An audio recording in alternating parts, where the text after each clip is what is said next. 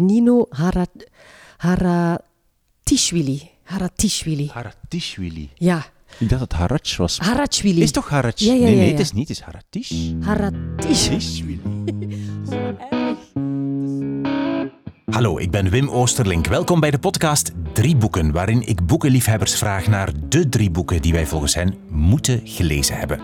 Francesca van Tielen is geboren in 1972. Ze werd op heel jonge leeftijd al bekend als televisie- en radiopresentatrice, onder meer bij Studio Brussel en VTM.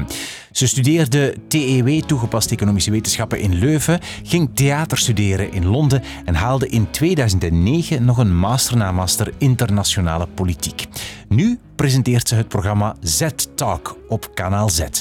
Ze was actief in het burgerparticipatieplatform G1000 als ambassadeur van de vluchtelingen binnen de Verenigde Naties en ze is medeoprichter van de Klimaatzaak.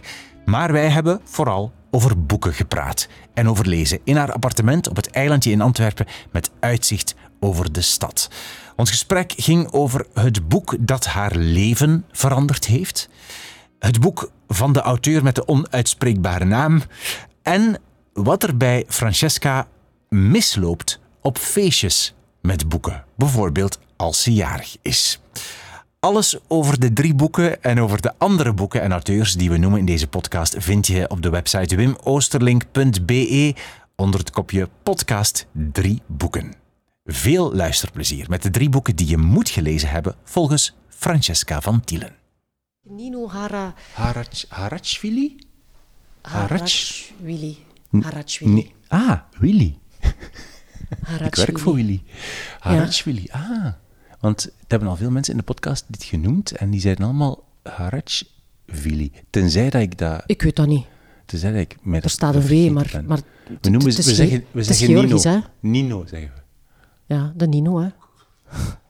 ja. Wat ligt dus, ligt dus over op uw, uw boekenrek? Ja, ik ben niet het type die de boeken rangschikt in, eh, in alfabetisch of via, ehm, ja, eh, via schrijver of wat dan ook. Klein beetje via. Ik ben er mee, ooit mee begonnen zo, als ik verhuisd ben. Maar dat is ondertussen ook al tien jaar geleden en dat is eigenlijk al wel wat overhoop gehaald. En ik ben ook al begonnen aan, aan het verticaal klasseren van mijn boeken, omdat horizontaal staande, staat het rek al vol. En dan begint je ze zo Hoezo? ja, dan begint je zo, zo hori- horizontaal in die gaten die je nog hebt ook nog te leggen. Ja, Ja. om zoveel mogelijk te kunnen vullen. Ja, en ik heb ook al heel veel weggedaan ook. Wat doe je dan weg?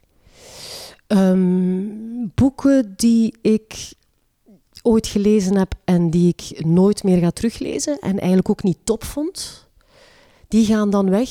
Of eh, boeken die verouderd zijn. Eh, want ik lees eigenlijk ook wel behoorlijk wat non-fictie en ja, zeker over klimaat of economie. Er, ja, er komen betere boeken uit op een bepaald moment. En, eh, en dan denk ik, ja, het is wel tijd om die eens te laten te schieten. Ja. En is dat dan niet moeilijk zo Nee. aan uw hart? Nee. Nee, nee ik, ik weet dat voor sommige mensen is dat heiligschennis. Maar ik denk, goh, die komen wel ergens terecht.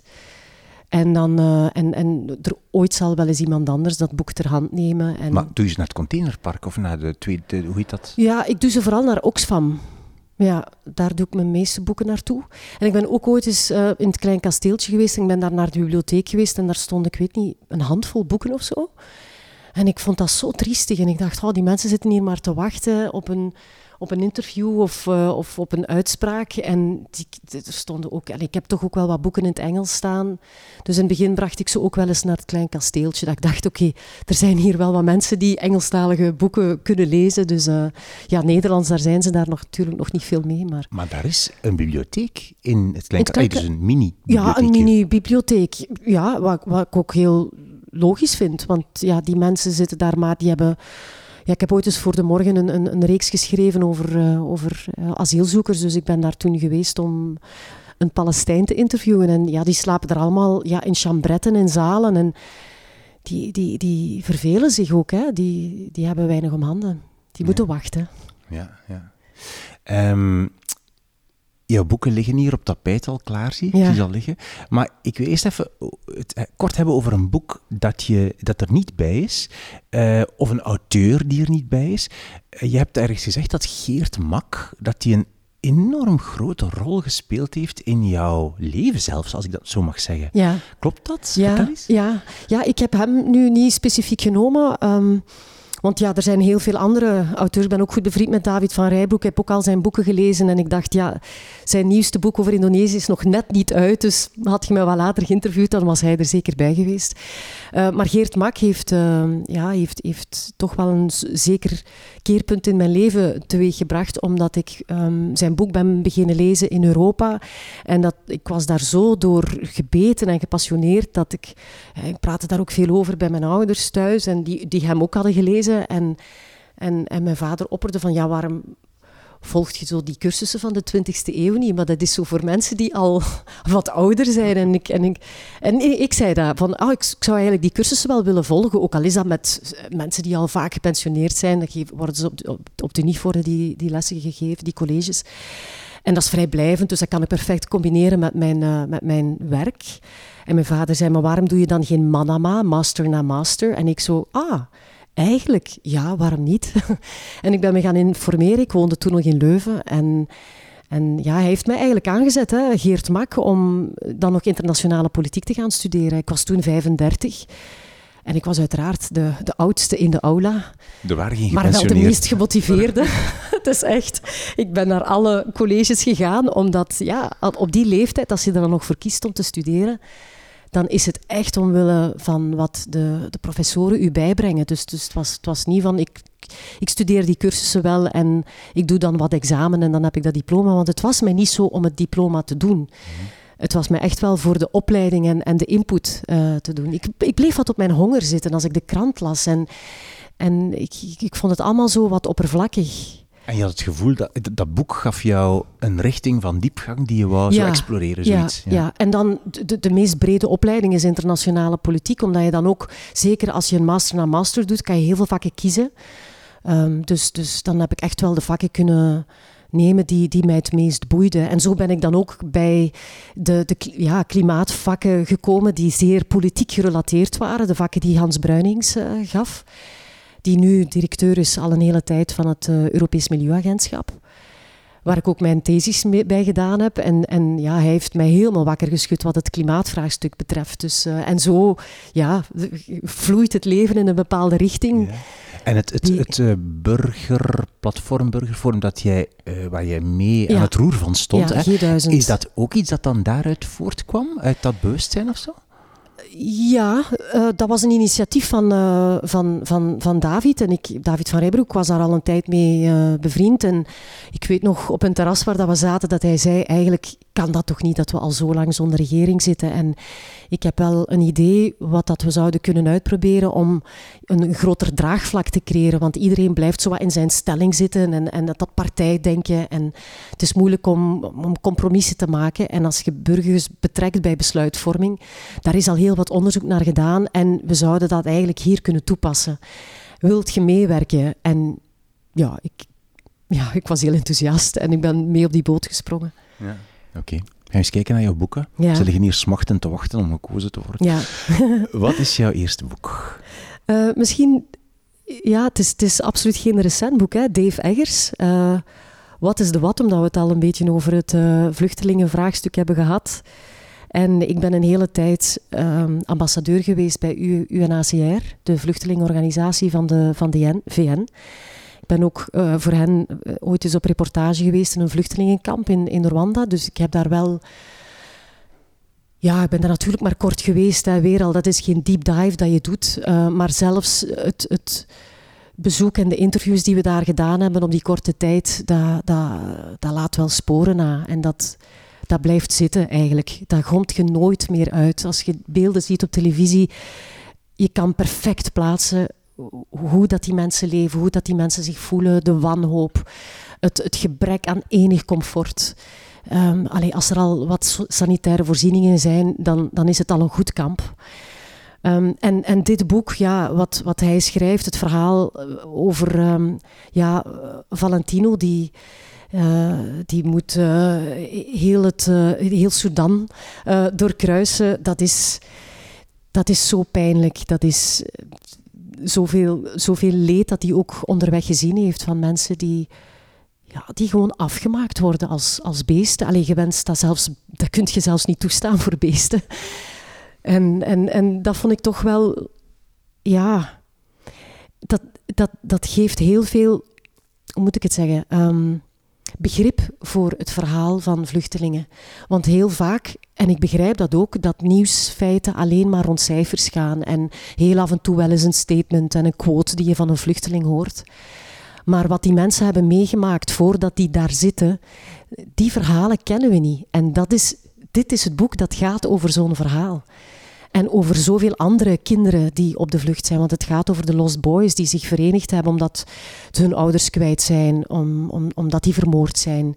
En die kinderen vluchten naar de grens. En daar worden ze ook weer verdreven, gewoon met de mitraillet afgeknald. Dus er zijn, er zijn zoveel dingen die er gebeuren in, in, in dat ja, mag het eigenlijk geen verhaal, want het is een levensverhaal. Hè. Het is, het is, het is, is het niet... echt gebeurd? Is het, is het, uh, of het is, het echt gebeurd. Het is zijn verhaal dat Dave Eggers heeft, uh, heeft neergepend. En uh, ik ben twee jaar geleden, denk ik, ook naar een theatervoorstelling geweest in Oostende op Theater aan Zee. Dat het verhaal vertelt van Valentino, die gewoon in een klein dorpje woonde en opgroeide. En dan komen, ja, het, het wordt helemaal platgebrand en, en iedereen wordt vermoord en hij kan nog vluchten. En hij komt aan andere kinderen op de vlucht tegen. En dan begint die, die jarenlange journey. En dan komt hij uiteindelijk in een vluchtelingenkamp terecht en wordt hij overgeplaatst als een van de Lost Boys. Worden, ja, zijn die wel geplaatst, want die konden gewoon niet meer terugkeren naar hun, uh, naar hun oorspronkelijke woonplaats. En hij komt uiteindelijk in Amerika terecht. En daar zal hij waarschijnlijk Dave Eggers hebben ontmoet en zal hij ook wel wat de spreekbuis zijn geweest van die Lost Boys. Mhm. En hij heeft heel mooie dingen gedaan, want hij heeft heel veel, hij heeft zich echt een dienst, hij is gaan studeren, hij heeft heel veel gewerkt om wat centen bij elkaar te krijgen, hij heeft zijn verhaal aan een heel breed publiek verteld. En, uh, en hij is ook teruggegaan naar Sudan als het, als het terug kon en als de, de politieke strubbelingen wel waar, wat waren gaan liggen, dan is hij teruggegaan om ook mee te helpen aan de heropbouw van Sudan. Weet je nog wanneer je dat boek las? Is dat lang geleden? Ja, dat moet echt, ja, denk ik, tien jaar of zo geweest zijn. Ik weet het niet. Ik denk heel lang geleden. Ik ben even aan het bladeren. Het is een dik boek, hè? Van 2007. Het zal zoiets zijn. Een dik boek, hè? En, en ja, heb je dat dan in één ruk uitgelezen? Hoe gaat het dan als, je, als, je, als jou dat echt raakt? Want het raakt ja, jou duidelijk. Ja, dan stop je eigenlijk niet, hè? Dan, dan, ik kan ook, want het andere boek dat we straks bespreken is ook... ik kan zo de dag doorbrengen en dan hopen van... Oh, het is bijna avond en dan kan ik terug een hele avond lezen. Dat kan ik wel... Uh, ja, of ik, en als ik, ik kan die dan ook meepakken waar dat ik ook weet dat ik ergens een half uurtje of een uurtje tijd ga hebben. Dan, uh, dan kan ik die meesleuren, want het zijn inderdaad wel uh, dikke kloefers. En s'avonds, dus je, je, je mag maar lezen van jezelf s'avonds of nee, je bent aan het werk? ik overdag bezig ben. Dus, nou, dus ja, ik, ik, ik heb nog wel mijn werk, dus... Uh, ja, en, ja. Dat, wat, en ga je dan dus hier, ik zit nu zelf in de zetel, ga je hier dan zitten lezen of liggen ja, lezen? Of... s'avonds zal ik eerder in mijn bed lezen, ja. En echt lang totdat, zo? Totdat mijn, ja, ja, ja. Ja, wel met de tussenpauzes en zo, hè, maar als het, als het een goed... Ja, dan, dan, dan kun je niet stoppen. Dan zeg je alleen nog een hoofdstuk en toch nog, toch nog tot volgende cijfertje. Ik lees nogal graag van hoofdstuk tot hoofdstuk. Tot hoofdstuk. En het is wel lastig zo met van die dikke boeken in bed. Ja, wel, ik heb, uh, ik, ik heb ook al wel op e-reader gelezen.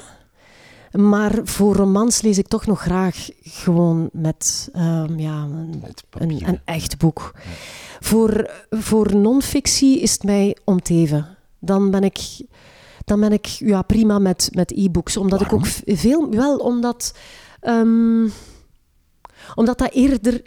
Omdat er een minder emotionele betrokkenheid is.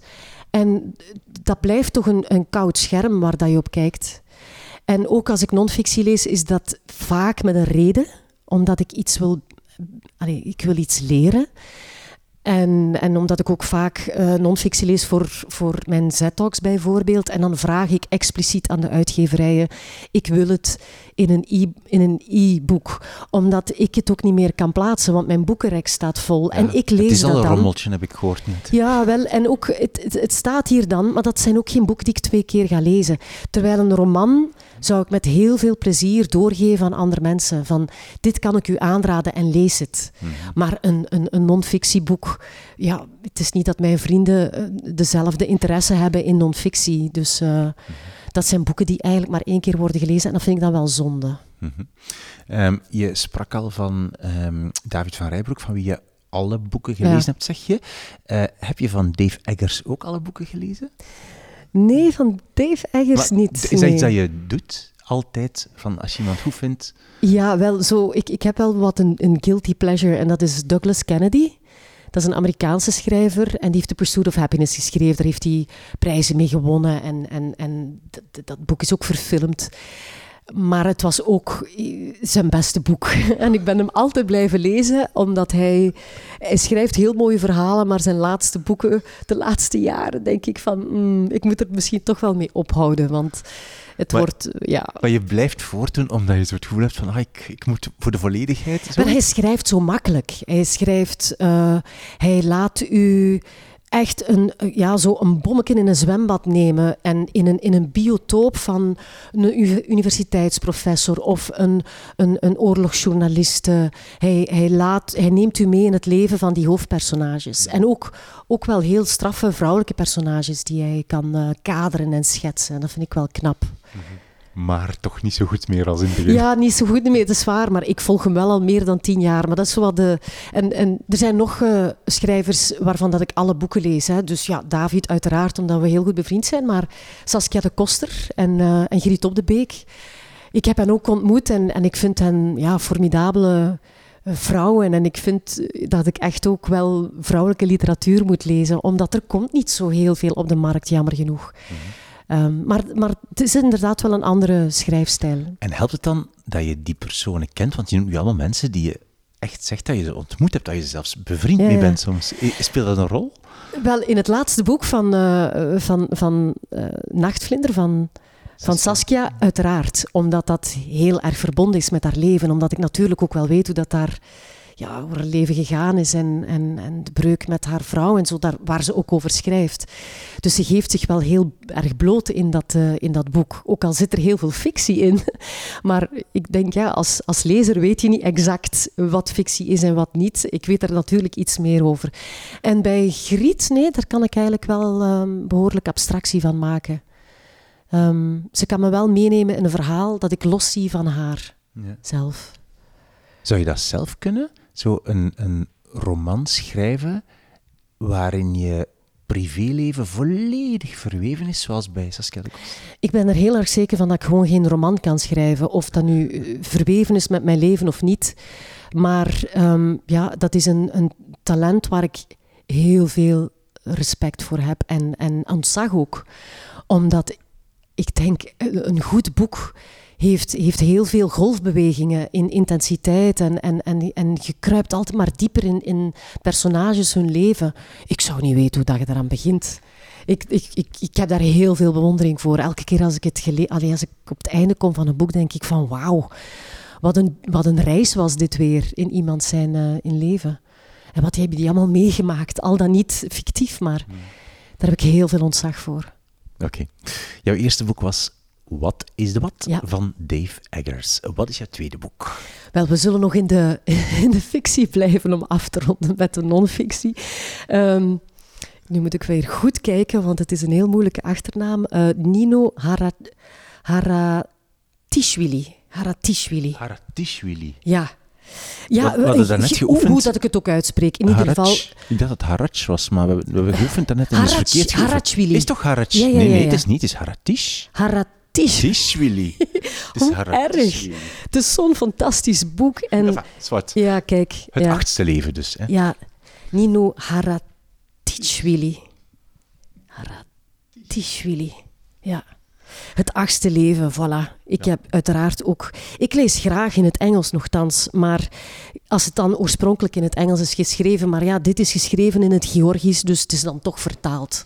Of dan in het Engels vertaald is of in het Nederlands. Ik ben eigenlijk ook wel blij, want ehm, zo versta je echt, echt alles. En, en bij Engels is er toch denk ik wel 10% of zo dat ik wellicht mis. Dit boek is, is al heel vaak genoemd in de podcast, maar nog Mm. nooit heeft iemand het echt als een van haar of zijn drie boeken gekozen. Ja. Waarom? Wel, ik, heb, eh, ik maak elk jaar een grote fietstocht met, eh, met een vriendin van mij. En Ja, we fietsen dan van s morgens vroeg en we zijn dan ja, tegen vijf uur ongeveer ehm, ja, komen wij aan in ons volgend hotelletje, want elke dag komen we ergens anders aan. En, ik wist dat we ook lang gingen weg zijn en dan wou ik echt een boek waarin dat ik s'avonds ja, mij, ja, waar ik ook nog naar kon uitkijken. En, en, en ik wou niet het risico nemen om een boek mee te nemen dat ik niet kende, waarvan dat ik wist oh, dat gaat mij tegensteken na een paar dagen. Want ik had niet zoveel alternatieven, hè, want we zaten met fiets, weinig bagage. En van dit boek wist ik, want ik, andere mensen hadden het mij al aangeraden. En van dit boek wist ik, dit wordt absoluut een boek waar ik mij helemaal in kan gaan laten gaan. Dus ik had het ook opgespaard voor de, voor de reis. En het klopte? Absoluut, ja. Ik was, ik was er ook niet op voorhand aan begonnen. Ik ben echt op de reis beginnen lezen en we zijn drie weken weg geweest. En ik heb, we zijn ja, tot in Montpellier gereden en daar dan met de trein terug. Alleen niet van hier hoor, Montpellier, maar van, ja, we hebben de Pyreneeën overgestoken en zo verder. En dan met de trein terug. En op de trein terug was een hele dag uh, treinreis, daar heb ik de laatste bladzijde gelezen. Dus ik ben er echt in geslaagd om op drie weken dit dikke boek te lezen. Dus ik vond het wel een prestatie. Dat is wel kicken. Hè? ik heb dat toch, als je zo op reis gaat en je zegt van ik ga dit boek lezen en dat komt zo mooi uit, dat je net als je terugkeert het, het uitleest. Dat is fantastisch. Hè? Ook al omdat, ik, omdat uit ervaring weet ik ook dat als je dan terug thuis bent, dat je dan ja, dan, dan, dan ben je weer in een ander ritme. En dan laat je het wel liggen en dan ben je die karakters wat aan het verliezen. Dus het is mooi om, voor mij is dit boek ook onlosmakelijk verbonden met die reis die we gemaakt hebben. Kan je iets vertellen over uh, waarover het gaat, het boek? Wat het verhaal is? Weet je er nog iets van? Ja, het is, dus, het is van vorig jaar, hè, maar ja, het achtste leven en tussen haakjes voor, uh, voor Brilka.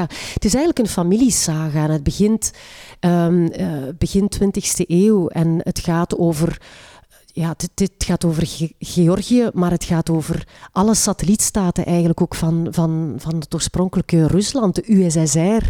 Het gaat over alle... Um, ja, het gaat over de, de, de, de Russische revolutie uh, um, in, in 1917, de val van de tsaar, Stalin die opkomt, zijn politiek. Er zit zoveel geschiedenis op de achtergrond, terwijl het een fictief verhaal is van die familie. Terwijl het gevoelt aan alsof het allemaal echt zou kunnen geweest zijn. En dat vind ik zo knap, om, om de geschiedenis te gebruiken als achtergrond. Want dat weet je wel, als je dat leest, dan weet je dat die personages kloppen. En ik ben ook een aantal, um, ja, een aantal personages die erin voorkomen, dat ik dacht, stonden die nu echt? Want die naam zegt mij wel iets. Hè? Want ja, het is niet dat ik kenner ben van de Russische geschiedenis. En dan, en dan ziet je op Wikipedia wie dat die man was en hoe uh, geobsedeerd dat die man was en, en waar dat hij wel voor aangeklaagd is en dat Stalin dat allemaal door de vingers heeft gezien. En dan leest je over een slachtoffer van, van een van die slachtoffers die vertelt, ja, ik ben verkracht geweest en welke impact dat had op, op dat personage naar leven. Dus dan wel fictief, maar ja, uiteindelijk kruist fictie en realiteit, want er zijn heel veel slachtoffers geweest van die man bijvoorbeeld. Hè? Ja. Um, dit is uh, ook een, dus een nog dikker boek dan Wat is de Wat van Dave Eggers. Je spreekt ook over echt je helemaal bijna verliezen. Je hebt het woord niet gebruikt, maar toch helemaal in het boek duiken. Hè? Heb, je dat, heb je dat graag dat dat zo dik is? Daarom? Nee, het is niet dat ik meteen naar de, de, de dikheid van boeken of de omvang van boeken kijk. Maar als jij mij de vraag stelt, wat zijn uw favoriete boeken? Ja, dan, dan kom ik wel uit op de boeken die mij het meest hebben ja, meegesleept naar een, eh, een andere wereld. Ik heb van andere boeken ook enorm genoten. En, en die hebben mij veel bijgebracht, waar dat ik ook vaak gesprekken met anderen over begin. Bijvoorbeeld Handmaid's Tale vond ik, vond ik fantastisch. Margaret Atwood heb ik uh, twee jaar geleden gelezen, net voordat de reeks uitkwam. Maar het boek was, was ook fantastisch. Ze heeft dat geschreven in de jaren tachtig. En hoe, hoe, hoe, actueel dat dat boek dan in, in, uh, in de 21ste eeuw nog helaas nog altijd is. Mhm, mhm. Dat is, dat is geniaal. Dus ik kan ook zeer bevlogen over Margaret Atwood spreken, wat helemaal niet zo'n dik boek is hoor. Ja, eh, je zegt dat je met mensen daarover ging praten. Is dat zoiets dat je heel vaak doet? Met mensen echt zo gesprekken proberen hebben met mensen, want dat lukt niet met iedereen? Over boeken? Ja, wel, ik, ik heb wel een paar vrienden die ook graag lezen. En, en met een aantal mensen heb ik ook dezelfde smaak. En komen ook tot de conclusie, ah, je hebt dat ook, boek, ik heb dat ook gelezen. Terwijl andere mensen lezen ook andere, andere boeken waarvan dat ik denk, ja, dat heeft mij niet zo hard gegrepen. En, en dat ik merk van ja, we hebben, we hebben een andere goesting in, Mhm. in boeken. Ja. Maar met, met ja, mensen die, deze, die met evenveel passie over dezelfde boeken kunnen praten, dat is wel fijn. Niet dat dat een avondvullend gesprek moet zijn, maar dat is wel even iets, iets dat je zo heel even kan delen. Vind ik wel fijn. Eh, je zei dat eh Haratishvili eh, jou aangeraden is door een aantal mensen. Ja. Is dat jouw, meestal jouw bron om een boek te lezen? Mensen die je kent die zeggen dat het goed is? Of heb je nog andere bronnen? Ik vind, ik vind het wel fijn als andere mensen al een beetje een... een, een Voorgeproefd hebben voor jou? ja, wel omdat er komt zoveel uit. En ik voel mij verloren als ik in een, als ik in een, in een boekenwinkel rondloop. Ehm, ja, dan voel ik mij heel vaak verloren. En dan denk ik, ja, wat moet ik nu kiezen? En dan is het soms wel gebaseerd op... Bijvoorbeeld, ik zie dan Dave Eggers lezen en, en wordt voorgesteld als de laatste nieuwe van Dave Eggers. Dan zal ik daar wel in meegaan. Maar dan blijf je ook wel een beetje in dezelfde cirkel. Of ik kan eh, in de krant lezen van een aantal boeken die, die eh, een recensie hebben gehad. Daar kan ik ook op afgaan. Ehm, dus ja, het helpt wel om, om een beetje een selectie te maken. Want, of, of zeker naar de zomer, welke, welke boeken neem je mee op vakantie? En dan denk ik, ah, als die daar zo enthousiast over dan wil ik dat wel eens, een, eh, ja, wil ik wel eens wel proberen dan. Is jouw keuze voor de vakantie anders dan door het jaar? Kies je bijvoorbeeld... Mensen kiezen vaak thrillers op vakantie of zo. Of. Ah, ja, nee, nee, nee, daar hou ik. ik. Ik krijg ook veel boeken voor mijn verjaardag. Is dat? ja, ja. Hoezo? Waarom? Een Ja, wel, blik? omdat dat, dat dat met wisselend succes is. ja, ik moet daar eerlijk in zijn. Ik vind dat wel gewaagd om iemand een boek te schenken. Omdat... eh, Ik krijg ook vaak dubbele boeken, omdat mensen denken dat zal ze graag lezen, maar ik heb ook andere vrienden die ook weten dat ik dat graag zal lezen. En dan zit ik twee keer met hetzelfde boek. dus dat gebeurt niet, maar dat is zo. Ja, ik, ik, ik- dat is zo wel wat gênant, hè, om dat Ja, dan te moeten maar dit is zeggen. wel een duidelijke boodschap aan iedereen die jou kent. Ja, maar Stop. ik, ik zeg ook wel soms van sorry, maar ik heb dit boek net ook gekregen, zelfs op dezelfde dag, op mijnzelfde verjaardagsfeestje. En dan ligt dat daar al. Ah, je hebt het al. Ik zeg ja, sorry. Ja, maar dan geef je dat wel aan iemand anders. Dus dat kan wel, hè? Ah, ik vind dat prima, hè, dat, dat, dat, dat je boeken ook aan iemand anders kunt geven. Ik ben niet de enige die dat Maar- zou kunnen dan leuk heb gevonden jij geen cadeautje. Hm? Dan heb jij geen cadeautje. Nee, maar ja, bon, dat, maakt, dat maakt niet uit. Maar allee, ik zou het gewoon jammer vinden dat hier. maar dus ik krijg ook wel boeken en, en, en dat is. Ja, die wil ik dan ook wel lezen, want ik ga ervan uit. Zeker boeken waarvan dat ik niet goed weet, zeker als het romans zijn, van ook schrijvers die ik niet ken, waarom geven ze mij dat boek? Dat wil wel zeggen dat, dat ook hen, dat ze wel weten dat ze het zelf gelezen hebben en dat dat hen geraakt heeft. Dus die boeken wil ik wel lezen. Dus soms is dat acht maand later dat ik dan een berichtje stuur van ik heb eindelijk jouw boek gelezen, het was fantastisch, dank u wel. En ja, Dat is heel slecht. Geen dank. Nee, nee, nee. Ik heb jouw boek gelezen. geen berichtje. Nee, dat is goed. Goed, goed. Zo. Dus als je geen berichtje krijgt, dan was het was niet zo goed. Of heb ik het nog niet gelezen? Kan ook, Ja. inderdaad. Oké, jouw tweede boek was eh, Het achtste leven van, ik ga het nog eens zeggen, Nino Haratishvili. Haratishvili. Wat is jouw derde boek? Ja, ik vind toch wel ehm, dat ik er een non-fictieboek bij moest steken. Omdat ik toch wel behoorlijk wat non-fictie lees. En eh, dit is een boek, eh, Kate eh, Rayworth, Donut Economics. Dus vertaald ook in het Nederlands. En ja, ik ben hier aan begonnen en ik moet zeggen, ik was toch ook wel heel erg gebeten, want ik had het boek gelezen nog voordat ik bij Canal Z ben beginnen werken omdat ik met mijn klimaatverhaal natuurlijk al bijna, ja, sinds mijn studies meer dan tien jaar bezig ben. Dat ik lezingen geef over het klimaat. Met klimaatzaak zijn we ondertussen al vijf, zes jaar bezig. En klimaat is heel erg gelinkt aan economie. Het is niet alleen maar mensen aanraden om met de fiets naar de bakker te gaan. Weten we ondertussen, maar mijn eerste lezingen benadrukte ik al dat, het, dat we naar een systeemverandering moesten gaan, waar nu veel meer over gesproken wordt en dat nu ook meer aanvaard wordt, wat ook in die Green Deal van de Europese Commissie zit, dat we moeten daar naartoe, bedrijven zijn daarvan doordrongen. Een aantal politici ook, helaas nog niet allemaal, maar dat komt dan wel. Kate Rayworth schrijft ook over die systeemverandering. En zij maakt dat eens concreet. Want ik had al wel veel over een mogelijke systeemverandering en dat we, naar, ja, dat, dat, dat we meer naar ehm, eh, stakeholders moeten gaan in plaats van shareholders. Hè. Dus iedereen die betrokken is bij bedrijven en niet alleen maar naar aandeelhouders moeten kijken. Het korte termijn winstbejag en, uh, en zo verder. Dus dat, ook het, de globalisatie moeten we in zekere zin herzien, wat nu ook gebleken is tijdens de, tijdens de pandemie. Zij begint dit boek, want zij is professor aan Oxford University, en zij zegt. Heb dit boek geschreven omdat studenten mij vragen beginnen te stellen waar ik geen antwoord meer op kan geven. En dat ik zelf besef dat wij theorieën geven die jaar na jaar, decennia na decennia gegeven worden, omdat dat bijna uh, ja, in steen gebeitelde theorieën zijn, waar dat niet aan geraakt en ook niet die in vraag mogen gesteld worden. En eigenlijk klopt dat helemaal niet. Mijn studenten hebben gelijk dat ze die dingen in vraag stellen. En veel heeft te maken met de ongebreidelde groei op alle vlakken. Uh, bruto binnenlands product moet groeien, winstcijfers moeten groeien, omzetcijfers moeten groeien. Alleen maar groei. En als er geen groei is, dan gaan alle alarmbellen af. Want dan komen we in een recessie, komen we misschien zelfs in een depressie, dan gaan we allemaal achteruit en zo verder. En dat klopt niet. Dat verhaal klopt niet. Want we hebben maar deze planeet. En als je dat niet in rekening neemt, wat natuurlijk Adam Smith niet deed, zoveel jaar geleden, want ja, daar was er nog geen sprake van een klimaatprobleem. En, en het gaat niet alleen over een klimaatprobleem, het gaat ook over grondstoffen die, die eindig zijn. We hebben geen ongebreidelde voorraden aan, aan grondstoffen.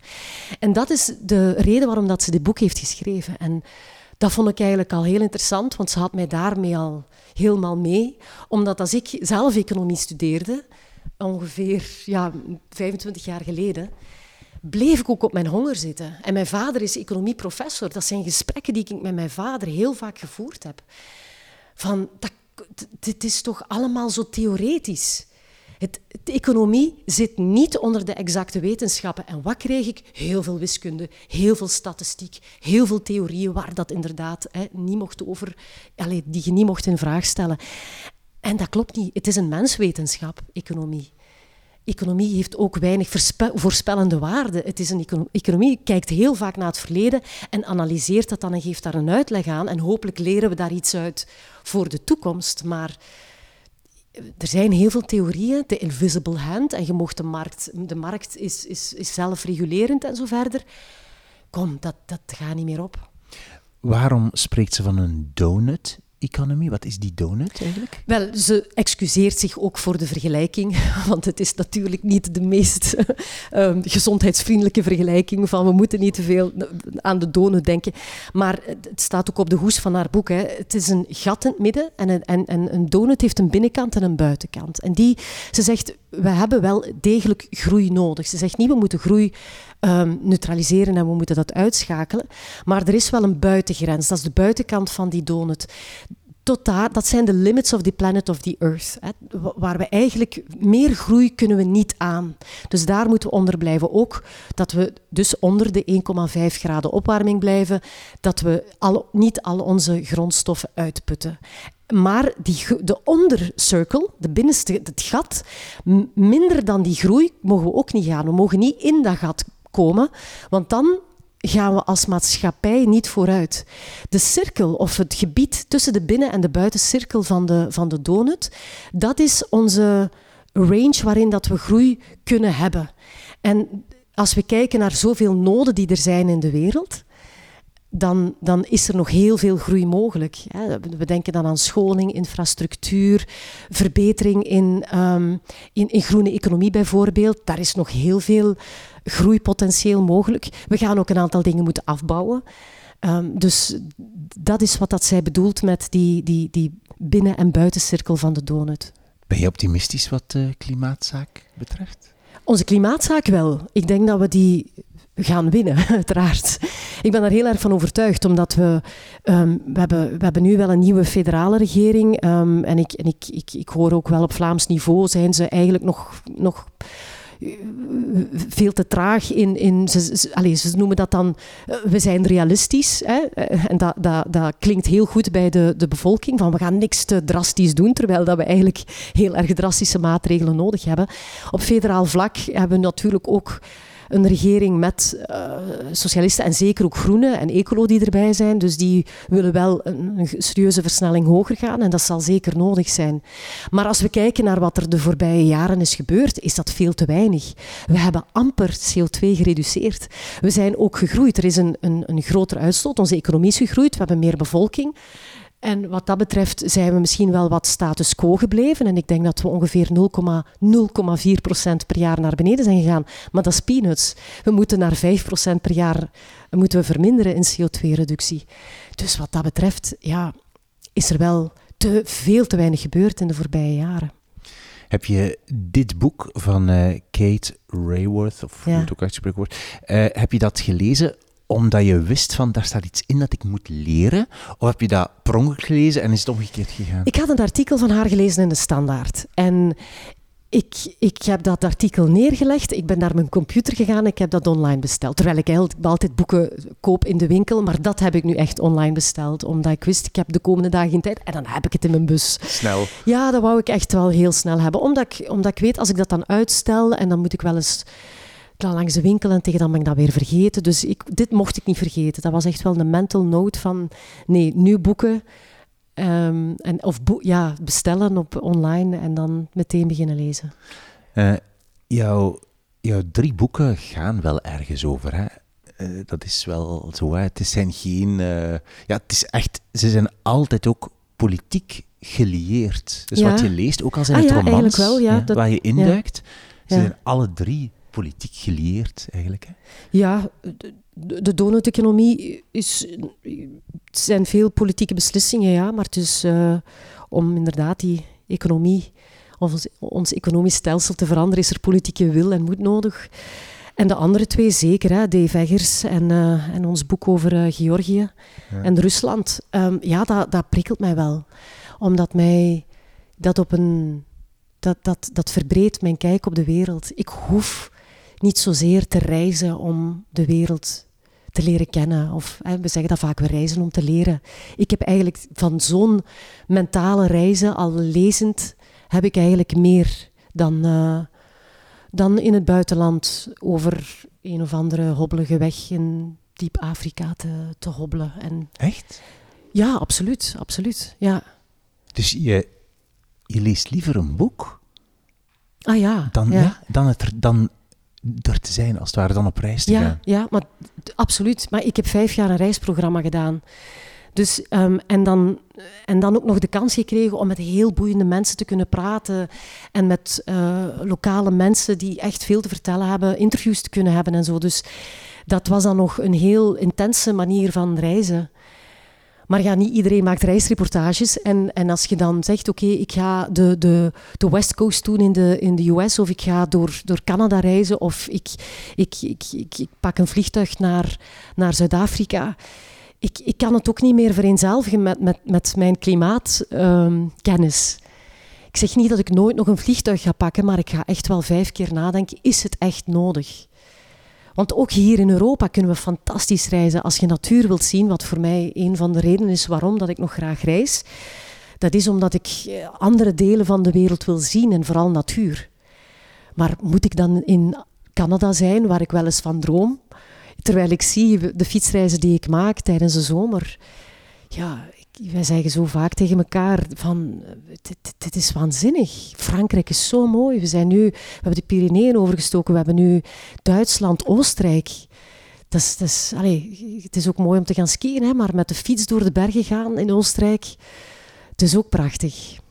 En zwaar zeker. Ja, dat is waar, maar je, ja, je komt dan ook in kleine hotelletjes terecht en, en, en je spreekt wel met mensen die je onderweg tegenkomt. En, en, maar dat blijft, dat blijft vakantie, dat blijft hippie, yay, joy, joy. En weet je, dat blijft vakantie. En je, krijgt... Ik lees toch geen geschiedenisboek over Oostenrijk omdat ik daar toevallig ben? Of Captain Corellis Mandolin. Ik weet niet of, of iemand ooit dat boek heeft vermeld. is ook een prachtig boek. Waar ik, ik, heb, ik heb dat gelezen als ik in, in, in Londen dat jaar zat. Waar ik ook gigantisch door gebeten was. En het gaat over de Tweede Wereldoorlog Griekenland. Hoe dat, hoe dat zo'n Grieks eiland door die Tweede Wereldoorlog is gegaan. Fictief boek ook, hè. Maar ik, ik had die ervaring nooit gehad als ik naar Griekenland op reis zou geweest zijn. Je hebt het boek daarvoor nodig. Amai. Ja, ik snap Jawel, ik, ik, ik, zou, ik zou die kennis nooit gehad hebben over wat de bevolking toen heeft meegemaakt. Tuurlijk, ja. Ja, oké. Mooi. Uh, weet je nog wanneer je als kind zo beginnen lezen bent? Ik las wel al veel als kind. Ik heb alles gelezen van de vijf. Ken je de vijf? We zijn zo wat dezelfde generatie, hè? Bij mij, wel, bij mij was het, ik was van de vijf detectives, maar dat is volgens mij van dezelfde schrijfster van die en het, en het Ja, de vijf, ja. Ik weet het niet meer. De vijf, ja. Ik herinner mij de vijf. Maar Puk van de Pettenflat, Annie M. G. Schmidt. Allee, dus ik, ik las ook heel veel sprookjes. Mijn vader kon mij geen groter cadeau doen als hij eens wegging. En mijn vader was niet zo vaak weg hoor, maar als hij eens wegging, en dan bracht hij een cadeautje mee en dan was dat altijd een sprookjesboek. Uh, ja. Ik heb, ik heb eigenlijk als kind wel veel gelezen en in mijn jeugdjaren ook wel. En las je vader dan ook voor uit het boek? Uh, als ik heel klein was wel. Tegen dat de vijf las ik ze wel allemaal al zelf. maar ja, er was er geen... Wat was onze zo herfstvakanties? Wat kon je doen? Lezen en met Lego spelen. Het was slecht weer, je bleef binnen. Je kon eens bij een vriendinnetje gaan spelen, maar voor de rest... Wij keken niet, er was geen Netflix. Wij ik mocht maar heel weinig tv kijken, want dat, we moesten onszelf bezighouden. Dat was die tijd, hè, de jaren tachtig. Ja. ja, inderdaad. Ja. Um, wil jij jouw drie boeken nog eens herhalen en daarna wil ik jouw boekenkast graag eens zien? Ja. Dus Dave Eggers, Wat is de Wat? Nino Haratishvili, Het achtste leven en Donut Economics van Kate Rayworth. Dankjewel voor jouw drie boeken. Graag gedaan.